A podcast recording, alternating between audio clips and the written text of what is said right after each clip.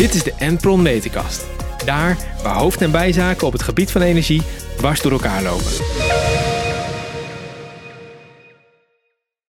Hallo, eh, leuk dat je weer kijkt of luistert eh, naar aflevering 2 van de Meterkast. Eh, ik ben Thomas, tegenover mij staat Ruud. En we gaan het vandaag hebben over het volle elektriciteitsnet in Nederland. Zeker. Ja, en we hebben vandaag, eh, of eigenlijk deze week, hebben we een voorbeeld gehad van een klant die eigenlijk niet meer de capaciteit geleverd kon krijgen die hij graag wilde. Ja, Die kwam bij jou op het bureau. eh, die kwam bij mij op mijn, eh, op mijn bordje inderdaad. Ja. Eh, en nee, dat klopt. Die klant, eh, hey, je, hebt, je neemt bij het net een bepaalde eh, capaciteit, reserveert eigenlijk de netbeheerder voor jou. En nou, op dit moment is het zo dat die capaciteit is, ja, die zit echt aan zijn max. Dus wat jij eh, van hem hebt gekregen gereserveerd, is ook wat je maximaal mag pakken. Ehm, bij hem was het zo dat hij echt meer pakte dan wat de netbeheerder voor hem gereserveerd had. Ja, dat vindt de netbeheerder niet zo heel fijn. Omdat het net vol is en dan kunnen ze dus niet meer garanderen. Nou, dan krijg je spanningsdippen en dat, gaat, nou, dat is niet goed eh, voor het net. Ehm, dus wat ze toen gedaan hebben is, nou, ze gaan hem meteen brieven sturen. Eh, de eerste maand dat jij er overheen gaat, sturen ze direct een brief. hey, jij bent er overheen gegaan, wil je dat niet meer doen? Dit bedrijf die zei van ja, ik heb gewoon een productielijn lopen. Dus ik kan niet eh, minder gaan eh, nemen uit het net. Nee, je Dus- hebt een bedrijf te draaien, je wilt eh, groeien. Ja, Eh, daar hangt omzet aan vast. eh, ja, die, die, dat bedrijf heeft daarin geïnvesteerd, hè, een nieuwe lijn erbij. Ehm, ja, en dan, is het, dan heb je echt een probleem eh, met z'n tweeën. En eh, er was echt geen ruimte. We hebben van alles geprobeerd om het alsnog te verhogen, bijvoorbeeld, hè, aan te vragen. Maar er is gewoon een wachtrij voor. Eh, dus die klant die kon gewoon onderaan aansluiten. Dus de enige optie was eh, om eigenlijk zijn proces weer te stoppen om minder te pieken. Ja, daarvan heeft die klant gezegd van ja, dat ga ik niet doen. Nee. Eh, dus die, dat is zo blijven lopen. En inmiddels is Liander zo ver dat ze nu zeggen dat ze hem eigenlijk voor de rechter eh, eh, willen dagen. heftig. Ja, Echt heel heftig. ja, En, maar even terug, hè, want misschien gaat het voor, de, voor de luisteraar Ja. misschien wat Ja. snel. De netbeheerder eh, die heeft allemaal leidingen in de grond. Ja. En daar kan een bepaalde capaciteit kan daar Ja. doorheen. Ja. Ehm, en, en daar moet je als afnemer moet je daar iets op reserveren. ja, ja, Toch? dat klopt. Ja. Ja. Je, ja, je, vergelijk het met dat je uit eten gaat. Hè. Je gaat met, eh, met zes man uit eten. Je reserveert voor zes mensen.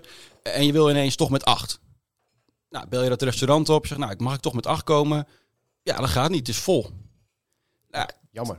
ja, dan heb je dus wel een Ja. probleem. Ja, Ja, dan heb je de keuze van, nou ja, ga ik, ga ik wachten? Misschien dat er nog twee tafeltjes vrijkomen, twee stoeltjes. Hè, dan kunnen we toch met z'n allen lekker bij elkaar. Of ik ga het ergens anders eh, eten met z'n allen. Ja. Nou ja, dat ergens anders eh, stroom afnemen, als je het weer even terug, eh, terugbrengt naar het stroom, eh, is natuurlijk geen optie, want je gaat niet je hele bedrijf verplaatsen. Dus ja, dan is je enige optie is wachten. ja. Dat is geen optie. Ja, ja, ja. En dat hoor je natuurlijk veel in het nieuws. Hè. Afgelopen eh, maanden ook veel in het nieuws geweest dat het net Ja. vol zit. Kan, heeft te maken met levering, maar ook zeker met teruglevering. Eh, Ja. Van de zonnepanelen, de windmolens en, en de, win- eh, de zonneparken ook die je overal eh, Ja. ziet. Absoluut. Die, die gaan natuurlijk, dat is natuurlijk enorm, die, dat fluctueert heel erg. Ja. Want als de zon schijnt, is er heel veel stroom. Als de zon niet schijnt, ja, niet natuurlijk. Dus, dus, dus daar, en dat is waar de netbeheerder enorm mee worstelt. Dat, dat onvoorspelbare. Want we komen uit een situatie dat, eh, dat we eigenlijk de centrale aanzetten. En eigenlijk precies wisten hoeveel vermogen er door het net zou moeten gaan om iedereen te beleveren, Ja. huishoudens en bedrijven. En we gaan naar een situatie toe, en daar zitten we eigenlijk al middenin, dat op het moment dat je het eigenlijk niet zo goed weet, en je zou het wel moeten weten, maar je weet het niet zo goed, want Mhm. eh, ja, de zon kan schijnen, het kan gaan waaien en dat heeft enorm veel eh, impact voor het elektriciteitsnet. Ja. De netbeheerders roepen daar ook al wel al een tijd om dat het net eigenlijk verouderd is. Ze Zeker. moeten ook met een wet werken die eh, eh, heel erg verouderd is. Ja, kan niet Eh, meer eigenlijk. Nee, dat kan eigenlijk niet meer. Want ze moeten de vrijheid hebben om te kunnen investeren, te kunnen anticiperen op Ja. waar, waar de capaciteit nodig gaat zijn in de toekomst. En dat is nu ontzettend lastig voor die netbeheerders. Ja, ze mogen nu alleen op aanvraag eh, uitbreiden. Dus Ja. als er ergens vraag nodig is, dan mogen ze pas gaan aanleggen. Nou, dan moeten ze nog langs alle gemeentes voor geld. Dan moet het nog aangelegd worden. Technisch personeel is moeilijk te krijgen. Dus nou ja, dat schiet allemaal niet, eh, niet op. Ja, precies. De vergunningen moeten aangevraagd Ja. worden. Hè. Dus stel, er wordt ergens eens een plan vanuit de lokale overheid. Er komt hier een industriepark. Dan kan een, wordt de netbeheerder ingeschakeld. Zegt van, hé, hey, maar dan moet er ook stroom en gas naartoe. Ja. Ehm, en dat is hoe ze nu werken. Eh, maar dat is, dat, is, dat is gewoon verouderd, dus dat, dat zal Ja. moeten veranderen. Maar ik denk dat de, dat de hamvraag vooral is voor, voor, voor de luisteraar. Ja. Wat kan ik met mijn bedrijf doen eh, om hierop te anticiperen? Wat, wat, wat moet ik doen? Ja, ja, dat is een hele goeie. Eh, ik denk dat we twee opties eh, eh, hebben. De eerste is eigenlijk je, het proces aanpassen. Hè, dus zorgen dat je minder piekt in je, in je bedrijfsproces, waardoor je ook de minder, nou, minder hoeft af te nemen zeg maar, uit het net. Een tweede is denk ik de zonnepanelen. Hè, waarmee je ehm, gewoon je eigen stroom kan, eh, kan opwekken. Eh dan kan je er met een omvormer voor zorgen dat, eh, dat je geen stroom teruglevert, waardoor het net niet belast wordt, maar jij wel je eigen pieken eruit kan halen.